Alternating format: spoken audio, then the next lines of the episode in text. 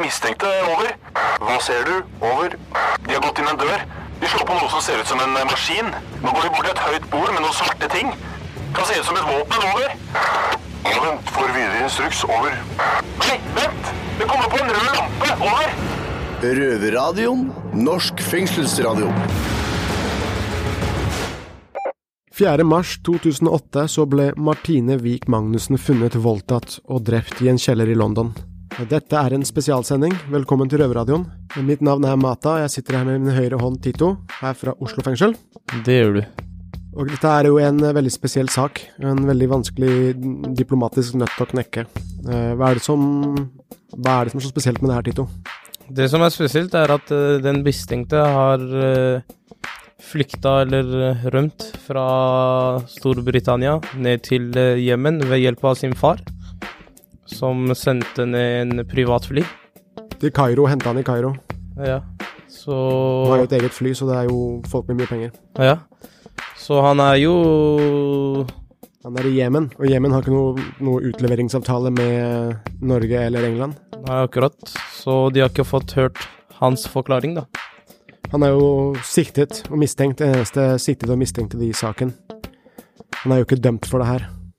Hennes far har jo eh, kjempet i elleve år for å få klarhet i, i saken. Ja, det er en veldig stygg sak, og eh, det er brutalt. Og- Ja, det er jo spesielt brutalt når, eh, når noe sånt kan skje, og du bare ved å rømme land kan uh, Gjøre Altså- en handling i et, et land og bare flykte til et annet land og gå fri, det er, det er ikke bra. Ja, det er jo alt annet enn rettferdighet. Vi har jo mye lit på rettssystemet, og eh, det er jo det vi ser på som en del av den siviliserte verden. At vi har lov og orden. Så nå skal vi sette over til eh, gutta i Eidsberg fengsel, Marius, Mike og Rune Cato, som har eh, faren på besøk, hvor vi skal høre mer om denne kampen. Dere skal få kjenne på en tøff historie.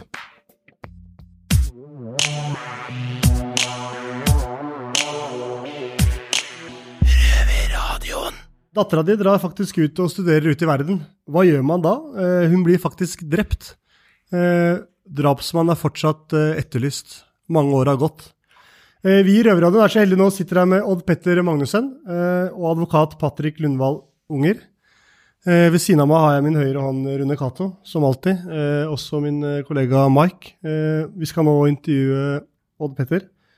Velkommen, først og fremst. Takk skal du ha. Dette er en eh, Jeg kjenner pappahjertet mitt for vondt.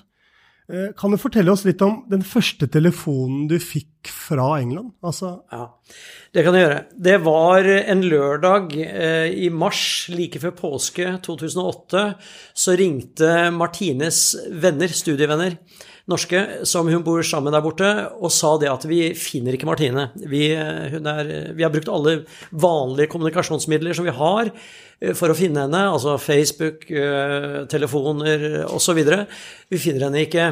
Og eh, det kom egentlig to telefoner, eh, og jeg slår de sammen nå i, i forklaringen. Fordi at i den andre telefonen, hvor de eh, da kunne meddele at eh, mistenkte hadde da slettet sin Facebook-profil, så gikk det et veldig, veldig urovekkende lys opp for meg, eh, som jeg da ga uttrykk for til denne venninnen, at eh, jeg tror vi må forberede oss på aldri å se Martine i live igjen.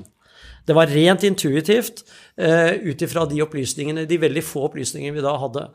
Og vi ble da enige om at eh, jeg skulle reise over så fort som mulig, for det vi selvfølgelig da håpet fortsatt var en ettersøks... Øh, hva skal vi si øh, aktivitet. Øh, men jeg var veldig urolig. Eh, Så ville da resten av familien også være med, også Martines søsken, Magnus og Mathilde, pluss Martines mor. Så vi dro over da med første fly dagen etter, første fly vi fikk tak i. Og etter en halv time på en politistasjon da i London, som eh, er lokal i forhold til der hvor Martine bodde, eh, så fikk vi etter en halv time vite at de hadde funnet en person som eh, De var jo litt forsiktige i tilnærmingen, men som de hadde grunn til å tro var Martine. Det pussige i den situasjonen der, hvis det har noe interesse, det er at jeg var ble da på en måte litt lettet. Eh, mens resten av familien, som jeg ikke hadde forberedt på den konklusjonen jeg gjorde i Norge, nemlig at dette kanskje var fatalt, eh, de brøt jo sammen. Jeg ble litt lettet, rett og slett fordi vi da visste at vi hadde en, eller ville få en grav å gå til. Eh, for det er én ting som er verre når du mister en, en, en, et familiemedlem, og det er å ikke vite hva som er skjedd med henne, eller hvor hun er. Hvor, hva er det du vil at folk skal vite om Martine? Tenker du på det menneskelige planet, eller tenker du på saken? Ja, menneskelig. Nei, altså Man skal jo være som foreldre forsiktig med å sitte og, og, og kjøre dette vanlige eh, skrytopplegget rundt egne barn osv. Martine var en veldig vanlig jente. Hun hadde sine Eh, jeg holdt på å si unikiteter av positiv forstand, men også kunne stå for egne meninger osv. Hun var en street smart, vanlig jente. Men det er én ting som har vært fremholdt uh, av andre, tror jeg jeg mer skal si. For at egne barn har man jo egne oppfatninger av, da, som jeg var inne på. Men uh, og det er at hun hadde en, en, veldig stor og god sosial begavelse. Altså hun kunne snakke med og interesserte seg for mennesker uansett ståsted, uansett eh, Jeg holdt på å si alt fra nasjonalitet til, til hvor de arbeider, osv., osv. Så, videre, og så, så hun var interessert i mennesker, eh, og det lå tjukt utenpå henne, altså. Og dette var ikke noe sånn påtatt tilnærming eh, for å skaffe seg venner eller noe sånt, hun hadde nok av de, men hun var genuint interessert i andre mennesker, og det la andre mennesker veldig godt merke til. Det er et spørsmål til. Når var det første gang du hørte om han, Farouk? Ja, det var faktisk etter at dette skjedde. Og når jeg begynte da å snakke med Martines venner om hva er det som har skjedd der, og denne profilen som han hadde sletta osv., så, videre, så var det første gangen jeg på telefon hørte eh, fra, fra, om, om, mistenkte. Og han var eh, da, eh, av disse venninnene, bare ansett for å være en av vennene i deres omgangskrets. Altså Martine gikk på en skole med da internasjonal business-studenter. Og dermed så var det bare utlendinger nesten på den eh, skolen. Så det at han inngikk i hennes omgangskrets, det var helt naturlig. Og eh, jeg har da siden hørt mye om ham gjennom mange kanaler, fordi jeg interesserte meg i en løsning av saken, som dere vet. Eh, og da må man kartlegge hvilken motstand man har. Men jeg har aldri hørt noe annet enn at Martine og han var studievenner, gode venner, men ikke, ikke kjærester. Det jeg imidlertid har hørt gjennom samtaler som Kjell Magne Bondevik eh, i Oslo-senteret har hatt med mistenkte i eh, Sana, eh, eller et, eh, et, medlem av hans team der nede, det er at eh, Farouk hadde følelser for Martine. Og han vurderte på det tidspunktet å returnere til England av hensyn til hans kjærlighet til Martine. Sitat eh, slutt eh, i forhold til det han har sagt. Ja, um, jeg må spørre, uh, hvordan syns du det Altså, hvordan føles det å, at det fins et fristed da, for, for altså, drapsmenn, kriminelle veldig, ute i verden. Det er en veldig interessant problemstilling du, du reiser der. Fordi eh, deler av Martine-saken er prinsipiell. Og det er jo noe som jeg har jobbet veldig mye med. og Blant annet eh, har det arbeidet ledet til en eh, resolusjon i OSSC eh, på dette med såkalt transnational fugitive offenders, altså transnasjonale eh, rømlinger, flyktninger, altså folk som har begått en kriminell handling og flykter over en landegrense. Og eh, det er jo sånn i dag, eh, iallfall ut fra denne eh, saken her, som berører altså menneskets eldste og mest alvorlige kriminelle handling, nemlig voldtekt og drap på en kvinne, så er det altså mulig å bare reise over en landegrense og være hevet over loven. Du finner en frihavn hvor som helst, fordi eh, manglende utleveringsavtaler mellom land gjelder for 95% av verdens land. Slik at det er et kjempemessig rettsvakuum der ute i forhold til å kunne få en lokalisert Eh, ettersøkt person tilbake til det landet hvor den kriminelle handlingen fant sted, for en rettsprosess der. Og sånn kan vi ikke ha det, og derfor har vi jobbet eh, i Martine-saken veldig mye på det sporet også. Mm. Eh, Det er jo ikke noe hemmelighet. Du sitter jo her nå med oss. eh, I rommet så er det jo flere kriminelle. kriminelle. Ja. Eh, våre tanke når vi hørte om saken, og vi, flere av oss har fulgt den saken i mange år, eh, vi har jo vår egen måte å tenke på, eh, og, og løsninger vi har. Litt interessant å spørre deg. eh, Har du noen gang vurdert å ikke gå lovens vei, og faktisk ty til andre Nesten som fremmedregionen. Altså Ja. andre kriminelle nettverk. Kontakte dem for å hente Farouk. Altså, Det er også en interessant problemstilling du reiser der. Fordi eh, jeg har måttet vurdere det mange ganger. Fordi jeg har fått tilbud, konkrete tilbud fra alt fra paramilitære grupper i utlandet, men også eh, miljøer i, i Norge, som ønsker å mm, gå ned og gjøre en eh, hva skal vi kalle det, kort prosess på dette.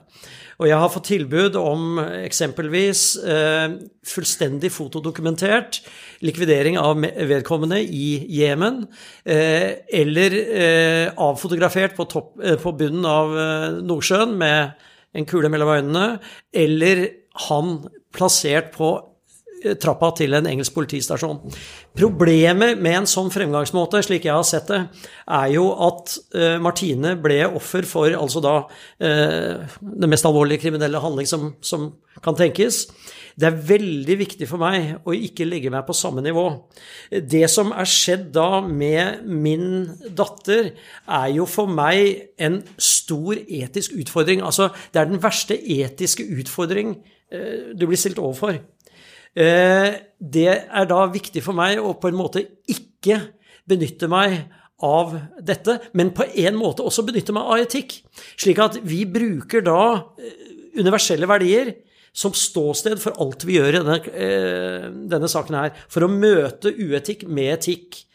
Så du kan si at jeg er ikke noe spesielt noe sånn juridisk eller etisk helgen i utgangspunktet. Altså, jeg er en person som alle andre gjennomsnittsnordmenn som eh, blir tatt for å kjøre for fort på veien og, og sånne ting.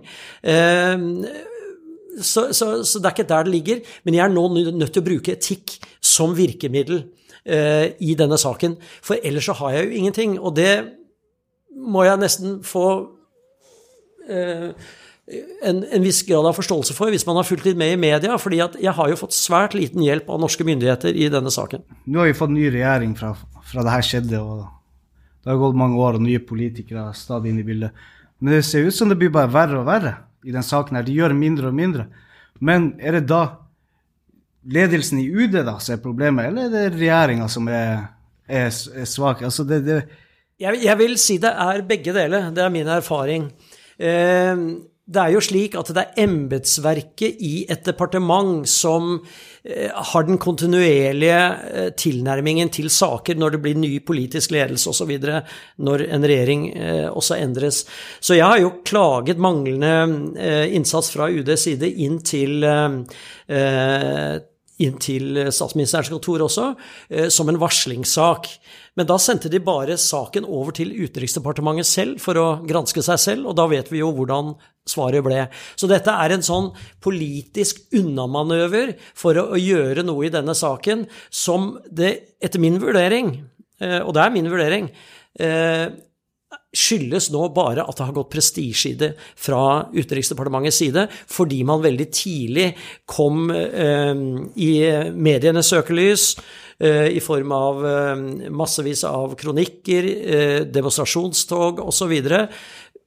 Rundt den unnfallenheten som Utenriksdepartementet veldig tidlig eh, viste, og som de da dessverre har fortsatt å vise. Eh, Jeg tror det er veldig viktig å huske på at når det gjelder utenlandssaker som dette her, så er det Utenriksdepartementet eh, som alene har totalansvaret, både juridisk og saksbehandlingsmessig osv. Så, videre. så jeg har bare Utenriksdepartementet å forholde meg til, og det har vært en skuffelse.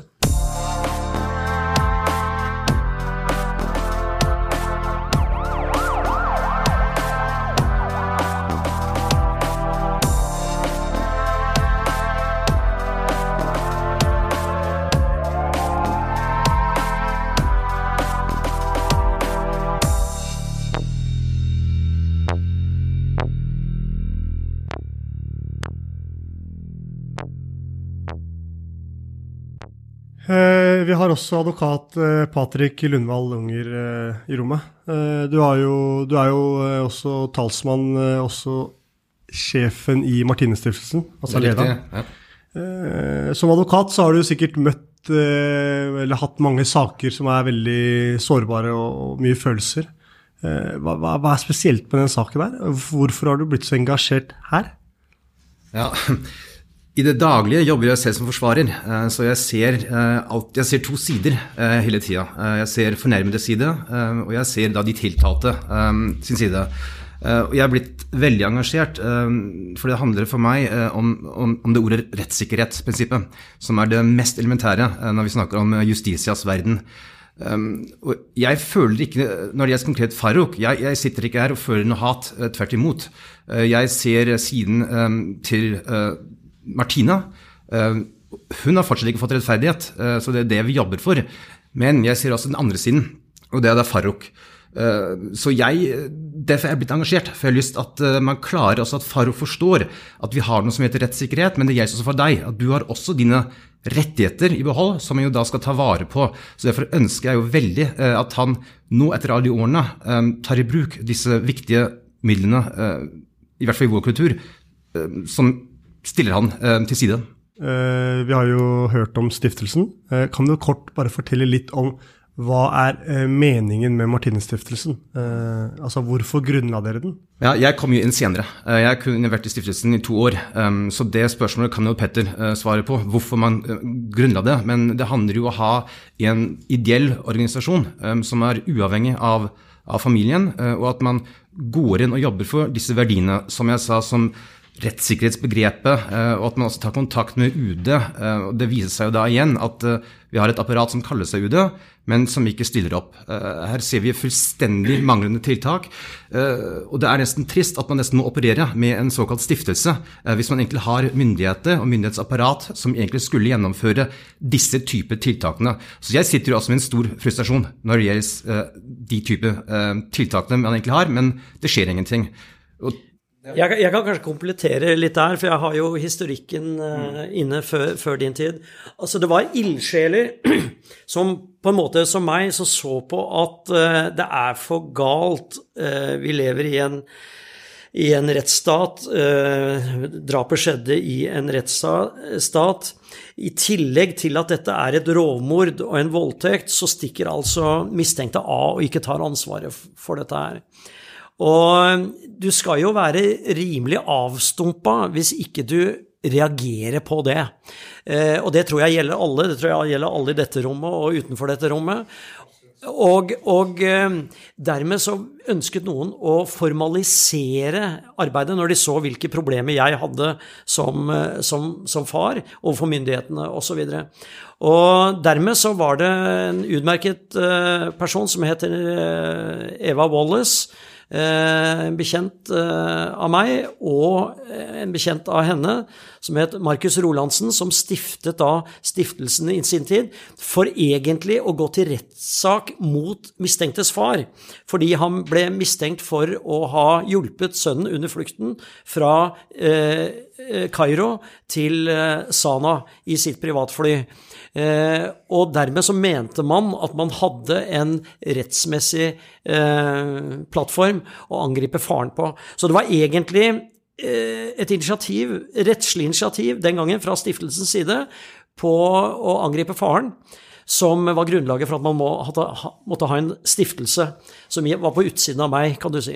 Det var jo, det var jo en sak, eh, den såkalte Lene Sand-saken, eh, hvor altså en norsk kvinne ble funnet eh, drept i Tyskland, som førte til at jeg tok kontakt med Patrick i sin tid.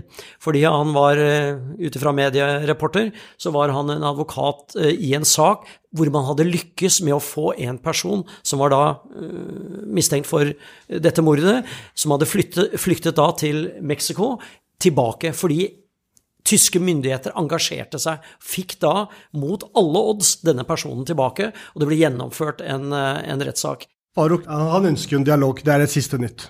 Ja, det, sånn har vi forstått det, ja. Eh, Vi har jo også hørt litt om at eh, hans far, eh, som vi også ikke sant, har skjønt, er en veldig meget rik, eh, innflytelsesrik mann.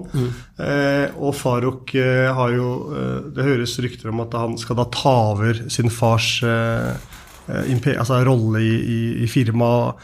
Faruk har jo også selv fått eh, barn, har vi fått høre, eh, og kone. Eh, nå er det to spørsmål. Jeg sa det siste først, og ble litt engasjert.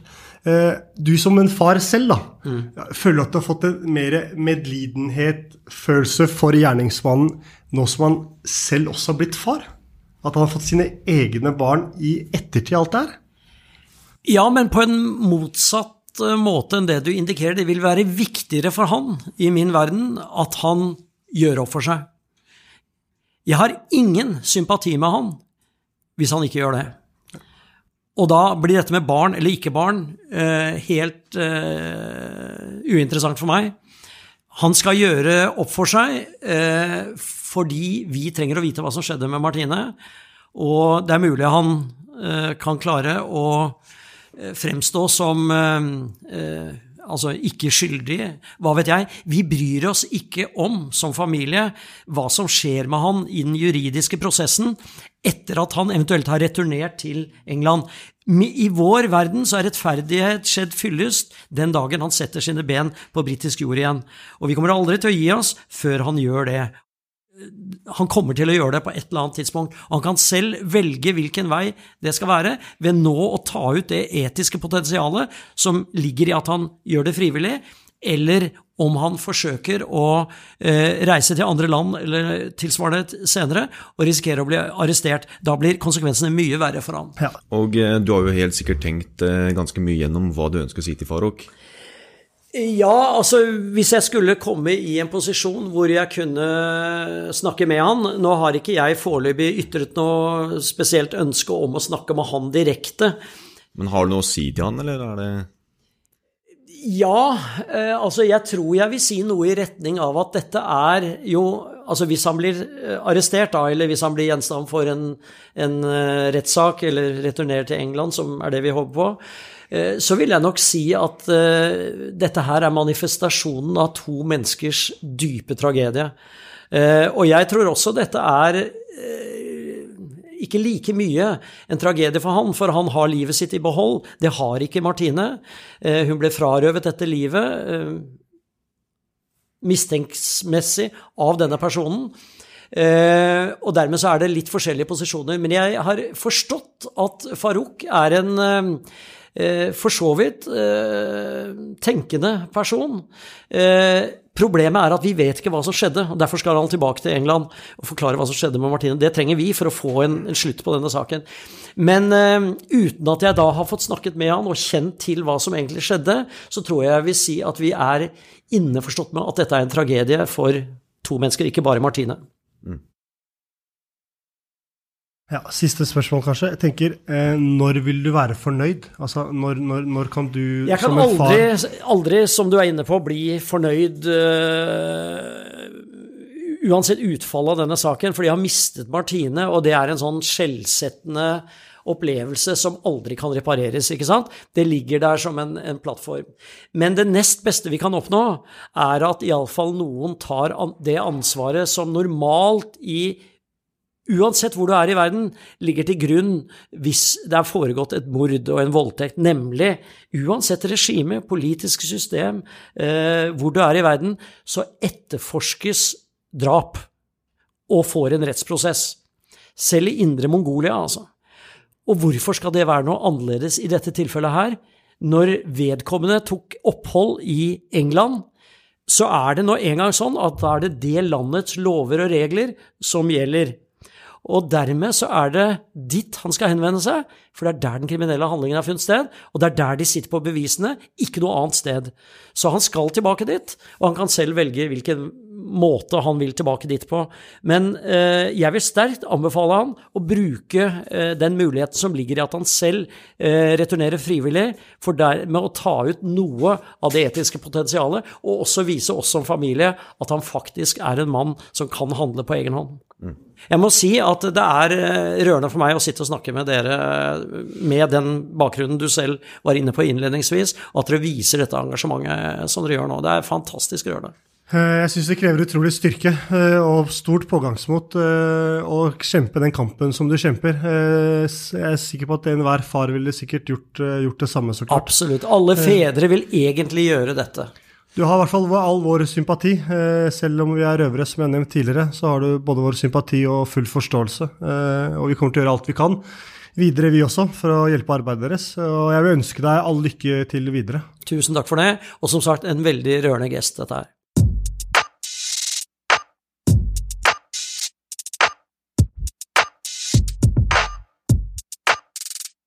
Eh, Faren til Martine gikk akkurat ut døra med advokat, advokaten sin. Eh, vi møter en far som har mista sin datter på den mest brutale måten som du kan tenke deg. ikke sant?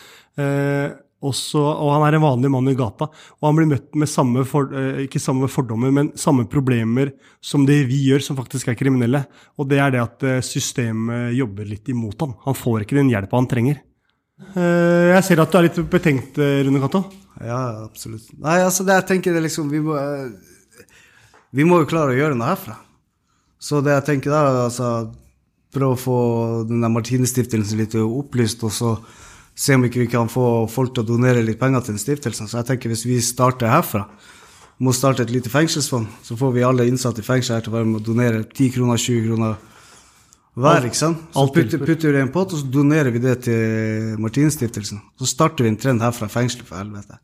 Får vi prøver å få alle fengslene i Norge på her, altså så hvis vi innsatte klarer å, klarer å bidra og, fra faen meg fengselet, så burde jo faen meg det, det er fire mennesker som sitter der ute og hører på, også kunne bidra. Og det er vår plikt, føler jeg, å, å få med andre fengsler på det her. Så absolutt. Eh, Mike, som sitter også ved siden av oss, du var også ganske engasjert, så jeg regner med at du er, er med oss der. Eh, ja, enig. Så hva kommer du til å gjøre når du kommer inn på avdelinga di nå? Da skal jeg eh, få eh, Da skal jeg spørre betjenten om å få uttagslapp. Og så skal jeg eh, be folk eh, donere penger. Kjempebra. Yes. Utrolig bra, Mark. Eh, bare tenk dere det store egentlig vi driver og prater om nå, gutta. Eh, vi sitter faktisk og, og, og støtter en sak om at vi skal fengsle en annen kriminell, og vi er kriminelle selv. Eh, Så absolutt.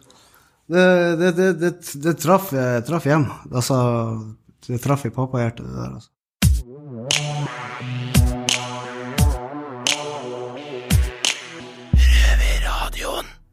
På kritikken Odd Petter Magnussen retter mot Utenriksdepartementet i denne saken, svarer Utenriksdepartementets pressetalsperson Per Bardalen Wiggen dette. Å tilby bistand til norske borgere i utlandet er en viktig oppgave for utenrikstjenesten. Når norske borgere blir utsatt for kriminelle handlinger i utlandet, er det myndighetene i landet hvor den kriminelle handlingen finner sted, som er ansvarlig for etterforskning og straffeforfølgning. I Martine-saken er det britiske myndigheter. Departementet har forståelse for den frustrasjon familien til Martine Wiik Magnussen føler over at saken fortsatt er uløst. Fra norsk side er det gjort mye arbeid med å sikte på å støtte og utfylle en solid britisk innsats. I møter med britiske myndigheter, kommet i stand på norsk initiativ, har de ikke kunnet melde om noen ny utvikling i saken. I et møte tidligere i år gjentok britiske myndigheter at slik Martine-saken står i dag, ser de ikke noen annen rolle for norske myndigheter enn at Martine-saken tas opp i ulike sammenhenger og bistår i eventuelle fellestiltak initiert fra deres side. Du hører på lyden av ekte straffedømte. Røverradio. Hver lørdag på NRK P2 halv fire. Og når du vil som podkast. Ja, faren til Martine er Anna Tøff, som har holdt på med det her i elleve år. Men nå har det jo skjedd ny utvikling i saken, Tito. Ja, det har det etter eh, elleve år. Han vil eh, veldig gjerne forklare seg fra sin perspektiv, som jeg har skjønt. I Jemen. I Jemen. Han vil ikke komme til Storbritannia. Han altså Han, det er Farouk. Han, øh, han mistenkte Farouk. Yes. Så faren har jo fått eh, tilbud eh, kjappe løsninger, som han nevnte, og eh, han har ikke vært villig til å ta det. Han mener at loven Vi burde stole på loven, og det er jo det han prøver å stikke av fra. Ja. Så mm, åpen for avhør i Jemen er jo ikke Det er jo ikke det samme som å ha et avhør i det landet. Det er bevis mot han. Da. Ja. Så jeg syns det er uh, veldig sterkt av faren, for det første, å ha et uh, Vil ta prate om det her. Sånn at jeg kan forestille meg egentlig hvor, hvor vanskelig det er å prate om noe så sårt. ja, han er en bra mann. Han gir ikke opp. Så, Nei, så- vi støtter han, vi. Gjør vi ikke? Jo, mye støtte fra, fra oss kriminelle. Mm. Så jeg syns det, det er vakkert uh, å se at uh, gutta i Gjerdsberg fengsel faktisk har startet, uh, startet et fond, da. Og samlet inn uh, flere tusen. Og flere av gutta har uh, faktisk gitt uh, opptil 80% av det de får i uka. Det er jo ikke mye penger vi får. Hvor mye får vi om dagen, Tito? Her i hvert fall. om dagen er det 70 eller 60? 60. Nei, det er 64, så 64, ja, ja, trekker vi litt for. TV-en, da, men Ja. det er jo ikke mye penger. Nei, men det er jævlig bra at de står på oss. Så, Så vi satser på å starte noe her. Ja. Ja. Jeg håper at det, det skjer noe her også. Her i Oslo fengsel. Altså Hvis de på utsiden kan se hvordan faktisk kriminelle, som, eh, ser, som ofte blir egentlig altså Det er jo veldig sett ned på å, å sitte i fengsel når eh, folk i gåsehøyne som oss, da, Ja. eh, klarer å samle inn penger, så det, burde det jo være mulig at folk på utsiden At folk på utsiden bryr seg om, om det. Så jeg håper det skjer noe. Vi satser på det, vi satser på det. Vi gjør det, vi satser på det.